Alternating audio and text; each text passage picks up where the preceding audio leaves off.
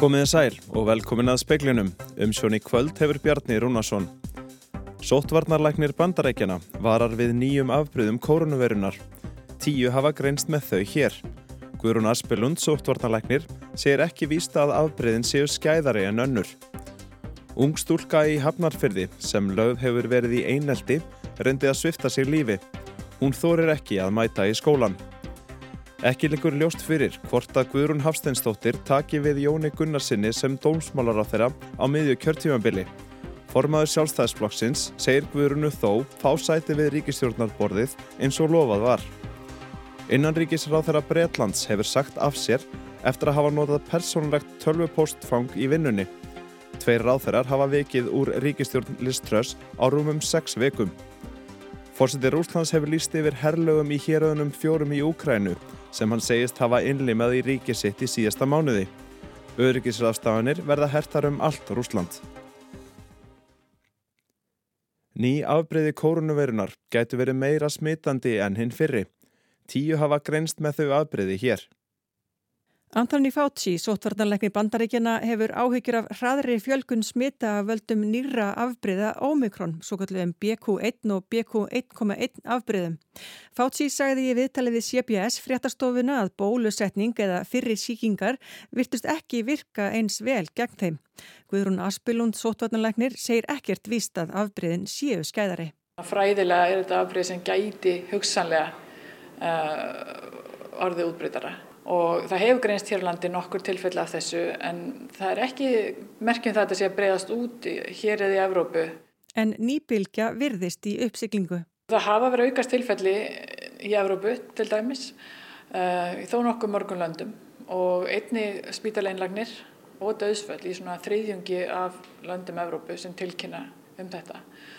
Og það er náttúrulega ákveð ágefni en það virðist vera vegna hegðunar en ekki vegna nýs afbríðs segir Guðrún Asperlund, Alma Ómarsdóttir tók saman. Tólvora stúlka sem reyndi að svifta sig í lífi eftir að hafa verið lögði í einelti þorir ekki að mæta í skólan eða vera eina á almannafæri. Ísabella von er í áttundabæk hraunvallaskóla í Hefnarfyrði. Í meira en ár hefur hún verið lögði í hatramt einelti af jafnöldrum sínum. Svo mjög að Ísabella reyndi að svifta sig lífi með því að gleipa liv móðu sinnar. Hún fór sjálf til mömmu sinnar og sagði henni hvað hefði gerst. Hún kom heima með barnaspítalarnum í dag.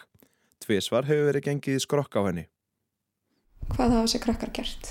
Um, lemja mig, kalla mér nefn, hóta mér. Senda skilubóð. Og hvað er það sem þau eru að segja við þig? Bara þegar ég sé ljót, ég sé belja, ég sé feit, að ég líti á þessa svín, ég líti á þessa hestur, ég ekki skiljað að lifa. Pappi minn fór lífið minn út af ég, þú veist, út af hvernig ég líti út eða eitthvað og ég sé búið til lega sögur um fólk og eitthvað að ég hef hótað að nöðga ykkurum sem ég gerði aldrei. Barnavend hefur verið að að hjálpa okkur með sálfræði viðtölum og, og hérna við erum búið að segja um MST meðferð fyrir okkur en hérna hún byrjar ekki fyrir hennum áramöndin held ég. Svo að búið að líka vera að reyna að gera eitthvað í skólanum en hún bara mætir ekkert þannig að það er að erfitt að gera eitthvað sagði Sætís Hrönn Samuelsdóttir. Elsa Maria Guðlöks Drífudóttir rætti við hanna og Ísabellu von Sætísardóttur. Nánar er fjallaði málið í sjóarsfréttum klukkan sjö. Hæstiréttur hefur sakfælt fyrirvændi starfsmann í Savia fyrir mútuþækni og umbóðsvik í starfi. Eigandi fyrirtækisins sem mútaði honum var sömulegði stemdur en í málunu reyndi í fyrsta sinn á ákvæðum mútugreðslur í engarekstri. Málið snýst um kaup Isavia á miðum í miðasöluvél á bílastæðunum við Keflauguflugöll árin 2015 og 16. Fyrir miðana greiti Isavia tilteknu fyrirtæki langt um herra verð en eðlilegt geti talist. Fyrst 5,5 krónu á hvert miða og síðan riflega 8 krónur á miða. Fyrirtækið kefti miðan að utan og tæpa krónu stykkið. Talið er að Isavia hafi greitt um 7 miljónum herra verð en geti talist eðlilegt. Mennirnir skiptu hagnaðinum sín á milli með þeim hætti að fyrirtæki mannsins greitti þjónustustjórunum 3,5 miljón með þremur millifæslum sem dölbúnar voru sem greiðsla vegna ráðgjafar. Þjónustustjórun fyrirverandi fær 18 mánuða dóm þar að 15 mánuði skilóspönda en framkvæmtastjórin 15 mánuði. Málið þótti fordæmiskefandi því aldrei áður hefur reynd á ákveðu um mútugreiðslur í engarekstri. Því þótti hæsta rétti tilefni til að taka málið fyrir.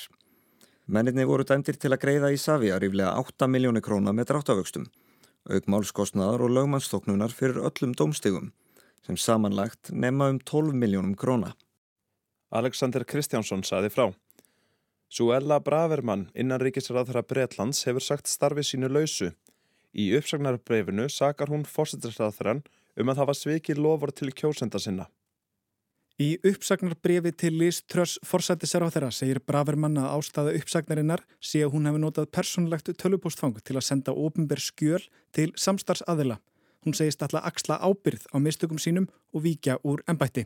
Einnig lýsir hún yfir áhyggjum yfir vekkferð ríkistjórnar Truss og evasemdum um hotlustu hennar við stefnusgrá íhaldsflokksins. Grant Snaps hefur verið skipaður innanríkisar á þeirra í stað Bravermann. En Bravermann er langt frá því að vera svo eina sem er óanað með tröss samkvæmt könnun sem byrt var um helgina eru næstum átta af hverjum tíu brettum óánægðir með ríkistjórnuna og meiri hluti meðlema íhalsflokksins vilja tröss segja af sér.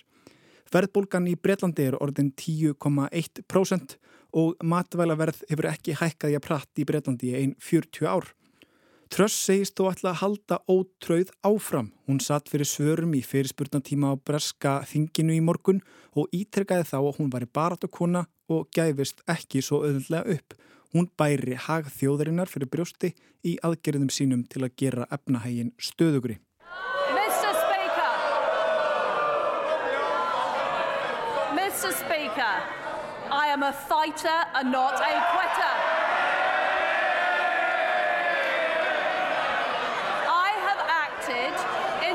Interest to make sure that we have economic stability. Pétur Magnússon tók saman.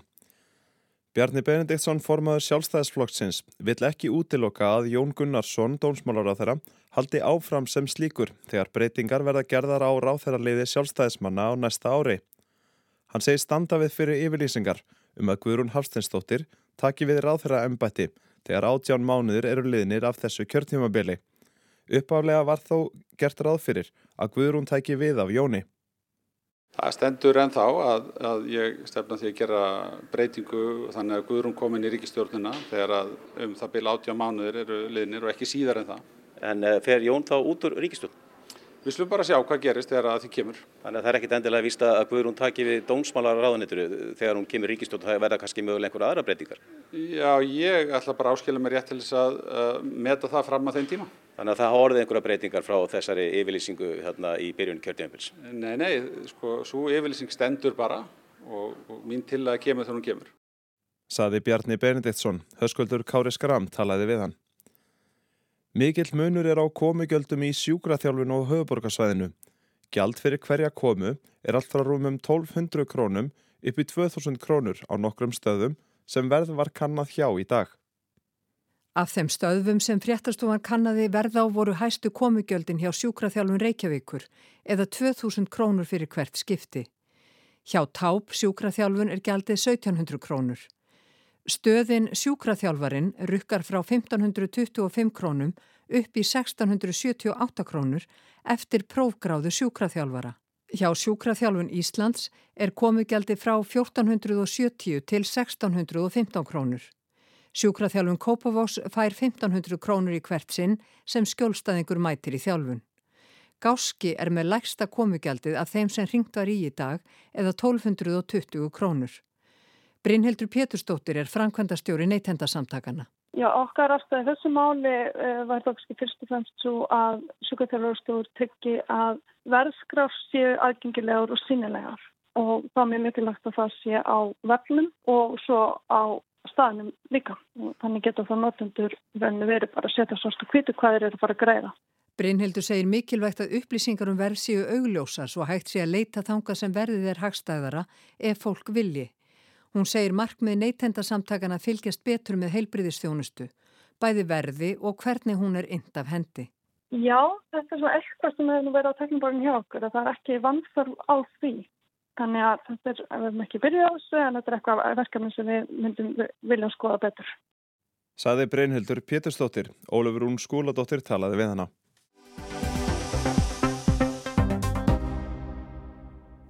Vladimir Putin fórsetir Rúslands lísti í dag yfir herlögum í héröðunum fjórum í Úkrænu sem hann tilkynnti formlega um í lok síðasta mánadar að hann hefði innlimað í ríkisitt. Öryggisraðstafunni verða hertar í öllum héruðum Rúslands, sérstaklega þeim sem likja að Úkrænu. Putin tilkynnti þetta í upphafi fundar með öryggisráði Rúslands sem framfór með fjárfundabúnaði В Донецкой Народной Республике, Луганской Народной Республике, а также в Херсонской и Запорожской областях до их вступления в состав России действовал режим военного положения. Herrlög voru í gildi í alþjóðilíðveldinu Donetsk, í alþjóðilíðveldinu Luhansk og í hérðunum Kherson og Sapronitsja áður en þau voru innleimuð í Rúsland, saði Putin á fundi öryggisráðsins. Til að koma þeim á með formlegum hætti hef ég undirritað tilskipun sem verður senda sambandsráðinu til samþyktar auk þess sem dúman verður látin vita. Fórsetin bættið því við að hann teldi að í ljósi aðstæðna væri nöðsynlegt að auka völd hérastjóra í öllum hérðum Rúslands. Hann hefði einnig undirritað tilskipunum það í dag. Sérstaklega þyrti að tryggja öryggi íbúana, koma í veg fyrir hriðjuverk á viðkvæmum stöðum, framfylgja allserrareglu, auka stöðuleika í efnahags- og atvinnulífi og auka framleiðslu á vörum sem nöðsynlegar væru vegna sértækra hernaðaraðgerða. Ríkistjórn, varnarmálaráðuneyti og fleiri megin stopnunum allar hann að gefa fyrirmæli um að veita hérastjórnunum nöðsynlega aðstóð. Í rúsnesku héróðunum sem liggja að Ukrænu og á Krímskaga verða öryggisrástafanir hertar sérstaklega, þótt ekki séttalinn ástæða til að lýsa yfir herrlögum. Ferðafrelsi í búana verður takmarkað og fólki óheimilt að koma þángað frá öðrum landslutum í Rúslandi. Frettarittri BBC í Moskvu segir að þessar nýjur ástafanir hafi ekki komið sérlega og óvart í Rúslandi. Það hafi leigið í loftinu í nokkur tíma að Vladimir Putin ætlaði að lýsa yfir herrlögum af einhverju tægi. Nú verði tímin að leiða í ljós hvernig þeim verði framfyllt og hvaða áhrif þau hafi á daglegt líf. Í frettathættinum Newsday hjá BBC var Michael Clark, professor í hernaðar fræðir ansóknum hjá King's College, indur eftir því hvaða þitti að Vladimir Putin hefur líst yfir herrlögum og hertum öryggis ráðstofunum. you know, it shows that the Kremlin knows that it's losing the war on the ground and that the whole thing is becoming a more serious enterprise for it. I mean, they, they can't now pretend to the Russian public that this is only a special military operation, that clearly this is, this is war. Þetta sýnir að stjórnvöldi Kreml vita að þau eru að tapa stríðuna og jörður niðri og staðan er að verða alvarleg fyrir þau, segir Michael Clark. Þau geta ekki lengur talið rúsneskum almenningi trúum að aðgerðirnar í Ukrænu séu aðeins sértækar hernaðaraðgerðir þar sem augljóslega er stríð í gangi. Rúsnesk stjórnvöld tilkynntu í gerðkvölda til stæði að flytja almenna borgara frá borginni Kherson í samnendu héradi sunnarlega í Ukrænu. Sergei Súrovíkin, hersaðingi sem stjórnar hernaðar aðgerðum innrásarliðsins í Ukrænu, sagði við talið við Ríkjusjónvarpið að ástandið í borginni væri afar slemt vegna hernaðar aðgerða ukrænska hersins. Michael Clark, professor, segir að samkvæmt sínum heimildum sé alls ekki verið að forða öllum borgarbúum frá því að Ukrænumenn ná í borginni á sitt vald. The, the group of people who will leave are those who feel that they don't want to stay if the Ukrainians are going to liberate the city. And that's probably the low tens of thousands out of a population of probably fewer than 200,000 who one would guess are still in the city. Þau sem eru að flýja Hersson eru að líkindum fólk sem þorir ekki að vera í borginni ef Ukrænumenn ná að frelsana, segir Clark. Það, þetta eru líklega einungis nokkrir tugir þúsunda af þeim 200.000 sem enn eru í borginni. Michael Clark er sammóla fréttaskýrendum sem segja að Khersonborg sé hernaðarlega mikilvæg fyrir rússa af þeirri ástæðu fyrst og fremst að hún sé svo eina sem þeir hafi náð á sitt vald frá því að innrósin hofst. Þeim hafi veist auðvelt að ná henni vegna aðstóðar sem þeir fengu frá borgarbúum sjálfum. It's important because it's the, it's the only city that they've the only significant city that they took, and they took it really very easily because it was essentially handed over to them by collaborators inside the city. Rúsnanskar fréttastofur hafðu í dag eftir Nikali Patrushev, formanni rúsnanska öryggisráðsens að um það byrj 5 miljón íbúar ukrainsku héræðana fjögura sem Putin segist hafa innlimað í ríki sitt væru flúnir yfir til Rúslands. Hann nefndi kvorki hvernig fólkið hefði ferðast til landsins nýja hvenar. Patrushev eh, sagði einnig að stjórnvaldi Kreml ætluð að hjálpa fólkinu og snúa aftur til síns heima þegar öryggi hefur verið tryggt. Fyrir dag greindi varnarmálaráðunettið í Moskvu frá því að frá því að hinn sértæka hernaðar að gerð hófst í Ukrænu 24. februar hefðu 4,6 miljónir Ukrænumanna flúið til Rúslands þar á meðal 700.000 börn. Þaraf hefðu 4.000 komið yfir landamærin síðastliðin sólaring. Ásker Tómasson saði frá.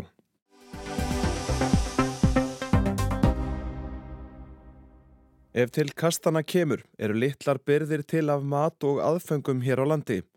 Óljubyrðir eru ekki miklar og ef þær þrítur stöðvast hjó landbúnaður og sjávarútvegs mjög fljótt. Innlend framleysla er mjög háð innflutningi, bæði á ábyrði, fræjum og aðfengum af ýmsu tægi.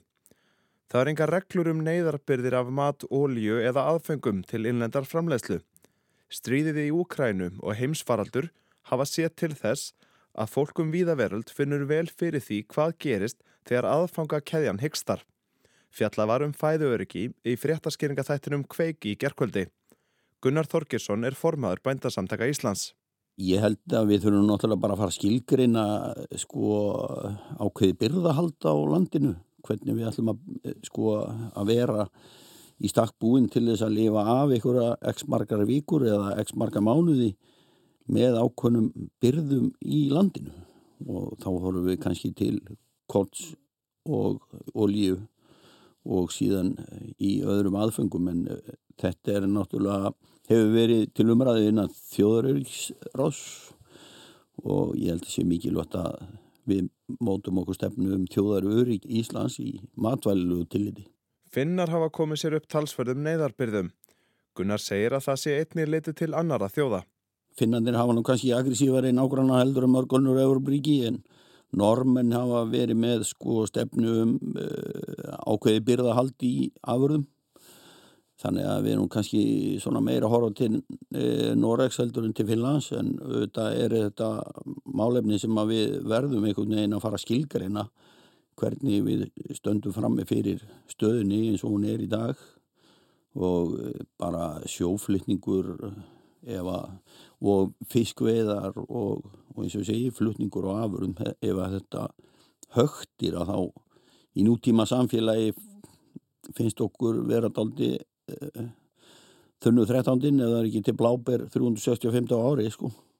Það stendur ímislegt upp á stjórnvöld við gerð áætlana og úrreða til að tryggja fæðuöryggi. Núna eftir að stríði bröst út í Úkrænu þá fengum við þjóðaröryggisráð í raun og veru setti saman og við fengum fulltrúa þar inn til þess að koma með ábendingar sem að snýri að landbúnaðinu sérstaklega. Og þetta er verið að vinna þetta hægt og sígandin og þegar að tilhuguna koma fram að þá svona treystum maður því að menn horfi á þetta í alvöru. Við höfðum talsverðar á ekki 2008 í bankarhönnu þá var allt í einu byrðastaðalansins orðindaldiskrítinn lána kredit í útlöndu var takmarkað og, og við kerfið högt í örlítið en, en svo eru bara eins og, eins og menn segja sko eldstu menn munan og ekki nema þrjáru vikur sko. Bankarhunni bara leið hjá og þá voru bara allt í öllum alveg sama. En ég held að þetta sé orðið bara raunveruleg hætta sem að við þurfum að horfast í augu við. Og hvernig ætlum við að skilgreina neyðar byrðir landsins á hættutímum? Á sama tíma og við erum að hafa ágjörða því að það sé ekki nógu miklar byrðir af mat í landinu að þá er matarsóun risastátt vandamál. Það eru fleiri tónnum af mat hent að því að það má ekki selja, ég vil ekki gefa mat sem er í fullkomnu lægi en dagstimplar sem eru runnir út. Hvað finnst þér um þetta? Ég, þetta er náttúrulega bara umugsunavert líka var, sko, sem að snýr kannski svolítið að neytindum. Sko. Af hverju eru við að sóa cirka 30% af því sem að framleitt er? og það skýt, skýtur alveg skökku við ef við erum að tala um lofslagsmál, eh, umhverfismál og fleiri atriði en á meðan erum við að framlega um það byrj 25-30% meira heldur en í raun og veru fyrir ofan í neytendur þar sem að það fer bara byggt í ruslið. Þannig að ég svona, þetta er bara, ég held að maður þurfi bara sem neytandi að líta í eigin barm og segja hvernig gerum við betur heldur en við erum að gera í dag. En horfur þetta endilega við neytendanum? Er þetta eins og það er fullt af, hef ég heyrt, til dæmis hérna, hjálparsamtökum sem fá mat og matvala innflytjendur sem er að flytja inn mat í stónu stíl, að þeir eru að henda fullt af matvælum sem eru búin að vera frosinn en svo ákveðin dag að þá er, er það runnar út og þá, þá þarf allt henn að henda þeim. En þetta er í fullkonum lægi, þannig að þetta, þetta er víðarheldur en bara hjá neytandanum. Já, já, þetta er þetta víðarheldur en hjá neytandanum. Ég, ég held að sko, neytandin er náttúrulega hluti á þessum hluta vendanum en svo eru við náttúrulega komið regluverki þannig að það er orðið svo strámt að það er bara best fyrir klukkan þetta og eftir það er þetta ónýtt og maður geti borðað afurðunar og það eru óskemdar í viku til tíu daga eftir best fyrir en það líka stendur líka best fyrir það er ekki síðasti neysludagur sko. svona höfum kannski alið eh, neytendur upp á því að það, það sé ómögulegt ef það er komið fram yfir best fyrir en eh, margt af þessu er líka bara best eftir sko. mm -hmm. Nú er nýlokið landbúnaðarsýningu er ykkurar svona lausnir í sjónmáli þar sem að fæðu öryggi er eld svona tæknilega til að mynda með orku öflun eða einhverju slíku? Já, já, það var ímislegt eh, eh, forvendnilegt á þessari ágættu síningu. Þarna var fyrst metan, fyrsta metandráttavílin sínd sem var náttúrulega stórmerkilegt og er kannski lausnin á uh, orku þörf dráttavíla að því við sjáum kannski ekki alveg fyrir okkur ramastráttavíl innan seilingar en en eh, eins og presentið var þarna á síningunni þá var risastór metandráttavél sínd sem að mér þótti mjög merkilegt. En er eitthvað að horfa með það að, að bændur sapni metani á búunum til dæmis?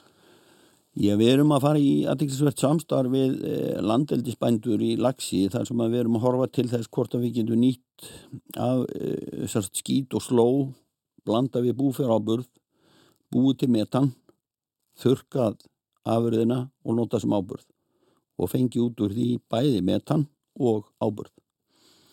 Þetta verkefni er, eh, eh, hefur verið í samtali núna í rúmta ár og verður mjög fróðlegt að sjá hvort við getum ekki láta raungerast. Þetta er hægt í færium og þá segir maður bara, akkur getum við ekki gert þetta á Íslandi.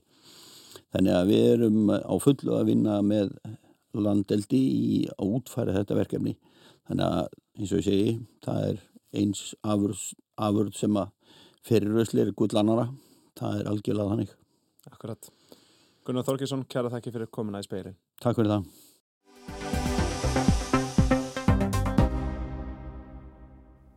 Margir klóra sér enni í kollinum og velta fyrir sér hvers vegna Katar var fyrir valinu sem gestgjafar heimsmestranamótsins í Knatsbyrnu árið 2022.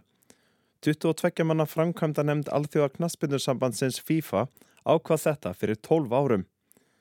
Þá var vitað að engir fókbólta innviðir væru í landinu og að farand verka fólk byggi þar við hörmulegar aðstæður, bæði hvað var það laun og mannréttindi. Við höldum áfram að fjalla um Katar og háam í fótbolta sem hefst 20. november. Björn Berg Gunnarsson, deildarstjóri greiningar og fræðslu Íslandsbanka, hefur sérhæft sig í fjármálum knaspinu heimsins. Katarar buður hreinlega gríðarlega mikla fjármunni í alla framkvæmt mótsins og í kjölfarið að FIFA alþjóðknarsmyndsambandi myndi hagnast mikið á rekstri mótsins. Aðrir hafa nefnt það að Katarar hafi bóðið upp á möguleikan að spila á til dælu litlu svæði, skemmtilegt að fara ánga, geta farað á marga leiki, eh, stutt flug, þægileg tímabelti, áhugaverð staðsetning, en í mörgum tilveikum að þá virðist vera sem svo að hreinlega hafi persónlegar hagsmunir þeirra sem voru að kjósa haft áhrif á það að, mótið endaði þarna, alveg sama hætti og mótið endaði úr Úslandi. Það er að segja reyn og bein mútuþægni. Svo er alltaf gangur á því hversu vel hefur tekist að sanna þetta dæmamenn í fangelsi, margir hafi verið bannaðir frá knatsbyrnu, yðkun og svo framvegis, en það eru voða fáir í þessum hópi, þessara 22 manna sem hafa óflekka mannorði í kjölfara á þessu. En eins og nefnir að þá voru einhver naspinnulegir innviðir í landinu á þessum tíma, 2010 tók FIFA með í reikningin að það þurfti að byggja þarna mjög hratt upp og ykkur þurfti að byggja? Já, nú komum við að því nefnilega vegna þess að, jújú, jú, þetta er alls ekkit í fyrsta skipti, það voru engin knastminnilegir innviðir almennilegir í Suðukóru og Japan. Þannig þeir byggðu bara nýja velli, hver einasti völlu sem leiki var á að meira og minna nýr. Sömleis í Suður Afríku var mjög mikið framkvæmt mikið að nýjum völlum. Síðan hefur þetta orðið þannig að þrátt fyrir að knastminnilegir innviður séu frábærir og stórir og miklir eins og í Brasilíu, þá eru kröfur FIFA það sterkar og, og, ósveigjanlegar að það þurfti bara endurbyggja allt saman í Brasilíu þannig að þrátt fyrir að hafa þessa innvið var öllu snúið við. Í Katar þá sögðu þetta heimamenn, þetta skiptir engu máli. Peningar skipta engu. En Katar er ekki eins og önnu lönd. Í Katar eru svipamarkir ríkisborgarar hér á Íslandi en búa hvað sexinum fleiri. Landið er tróðfullt af fólki sem að hefur mun minni réttindi heldur en aðrir íbúara landsins og eru ekki ríkisborgarar og vinna við það að vinna, vinna við það að halda upp lífskjörum annara í landinu. Og þetta er sáhópur, þetta er aðalega farandverka menn frá Suðrasju sem að búa þarna við báaraðstæður, hvort sem að verið er að halda heimsættaramóti eða verið er að framkvæða annar staður og þetta er ekkert einstæmi í þessum heimsluta en búa mjög báar aðstæður og eru stanslaust í framkvæmdum og verið er að byggja upp Katar mjög hratt. Og þeir þá engöngu eru í því að reysa þessa velli sem síðan að miklu leiti vera reyfni niður vegna þess að loknum móti verður sæta fjöldu þessum leikvöngum með helmingur af því sem hann er núna. Og þetta vissi fólk, það vissu það allir og það var ekkert leindarmál hvernig færi væri með verkafólk í Katar. Það er ekkert nýtt og var ekki nýtt fyrir neinum Katarar buðu fórsvarsmönnum FIFA og, og knastbunusamband út um allt meiri síslendingum til Katar til þess að kynna sér aðstæður þar sem allt var lofsungið og málflutningurinn sem hefur verið notaður til þess að raukstíða það af hverju það er lægi að gera þetta er. Þeir hefur hvort sem er verið að byggja eitthvað í landinu. Leikvanganir eru pínu, pínu lítið hluti af því sem verið er að framkvæma í Katar og vegna þessa heimsmyndaramótið er haldið og kastljósun er byggt að landinu að þá mun það bæta aðstæður þessa fólks. Þannig að annarkot getur við slefti að setja mótið þangað og fólk mun búið við ennþá verri skilir því eða þá við höldum mótið og beitum okkar kröftum einhvern veginn til þess að gera þær aðstæður betri. Hvers vegna FIFA sem hefur öll spil á hendi og Katar er ekki nokkri einustu samningstöðu kakvart FIFA, hvers vegna FIFA gæti ekki bara sagt það er fólk sem mun framkvæma allt sem þarf að gera tengslu við mótið, það þarf bara að lifa mannsamindi lífi, það er ekkert mál að gera það því eigi næga peninga hvers vegna það var ekki hægt, skil ég ekki en við erum að horfa fram á það að fjöldi fólk sem við dáið þarna og alls ekkert allir vegna leikvanga heldur eru bara aðstæður ekki betri en þær en þannig hefur þetta verið hvort sem er Að þessu sögðu knaspinu heiminin, almennir knaspinu áhuga menn, horfa þeir á þetta mót með óbræði minni? Sumir og nú erum við að sjá ákveðin skilverða á milli þess hvernig knaspinu áhuga fólk almennt hugsa um fókbalta. Við höfum séð ansi sérkennilega breytingu verða á viðhórum fólks við það til dæmis að nýjir eigendur kaupi lið sem þeir halda með. Katarar hafa fjárfæst mjög mikið í knaspinu, í sjómástöðun sem sína knaspinu, sömulegis í Paris Saint-Germain, stóra liðinu í Fraklandi og núna í því að halda heimsættaramót og Saudi Arabar hafa keift Newcastle, Abu Dhabi hefur keift Manchester City, þetta eru stór og mikil rótgróðum félög og í öllum tilveikum hefur það orðið þannig að með þessu hefur landið, þetta einræðisríki öllast heilan her talsmanna sem berst með kæfti og klóm fyrir ímynd þessara einræðisherra og þessara einræðisríkja Þannig að það virkar og fordæminn sína það að þetta raunverulega virkar og það er mikil ávinningur í því fyrir þessu lönda fjárfesta í knatsbyrnu. Sumir hins vegar að sjálfsögðu líta á þetta allt öðruvísi og hugsa fókbólinn og mikilvægri fyrir mig heldur en það að hann snúist engungu um peninga. Og við erum að sjá það til dæmis að Danir eru að fara að spila í ekki með sorgarbönd heldur í sorgarbúningum. Það eru fjöldnaldara liðun sem eru með einhverjum með öðrum hætti að reyna að vekja aðtegli á mannrindabrótum slæmum aðstæðum í mannreitindamálum í landinu. En grundrættar aðrið er hins vegar þetta. Móti fer fram og það er engin að skrópa. Og landi verður fullt af stuðningsmönnum og móti verður örglega hinn besta skemmtun. Og svo fara bara allir heim og gleima því sem hafi átt sér stað. Og það er nákvæmlega sama varandi í Rúsland. Fjöldin allur að talsmönnu sem rúsar fengu eftir að stuðningsmennin í eins og landa höfðu farið til Moskvu verið þarna innilokaðir í einhvers konar heimsumstara búðum og upplifa Rúsland sem bara indislegt og jákvægt land, komið síðan heim og sögðu öllum frá því. Þetta virkar, það virkar að beita fókbólunum með pólitískum tilgangi, þess vegna er barist um það að fá að halda þessi mót. Sama hvað það kostar í peningum? Sama hvað það kostar í, í peningum og mannslífum, já. Saði Björn Berg Gunnarsson, Kristján Sigurjónsson talaði við hann. Það var helst í speiklunum í kvöld að sótvarnarleiknir bandarækjana varar við nýjum afbríðum kórunuveirunar. Tíu hafa grenst með þau hér. Sóttórnarlagnir segir ekki víst að afbreyðin séu skæðari en önnur. Ungstúlka í Hafnarfyrði sem lögð hefur verið í einelti reyndið að svifta sig lífi. Hún þórir ekki að mæta í skólan. Ekki likur ljóst fyrir hvortar Guðrún Hafsteinsdóttir taki við Jóni Gunnarssoni sem, sem dómsmálar á þrá miðju kjörtímabili.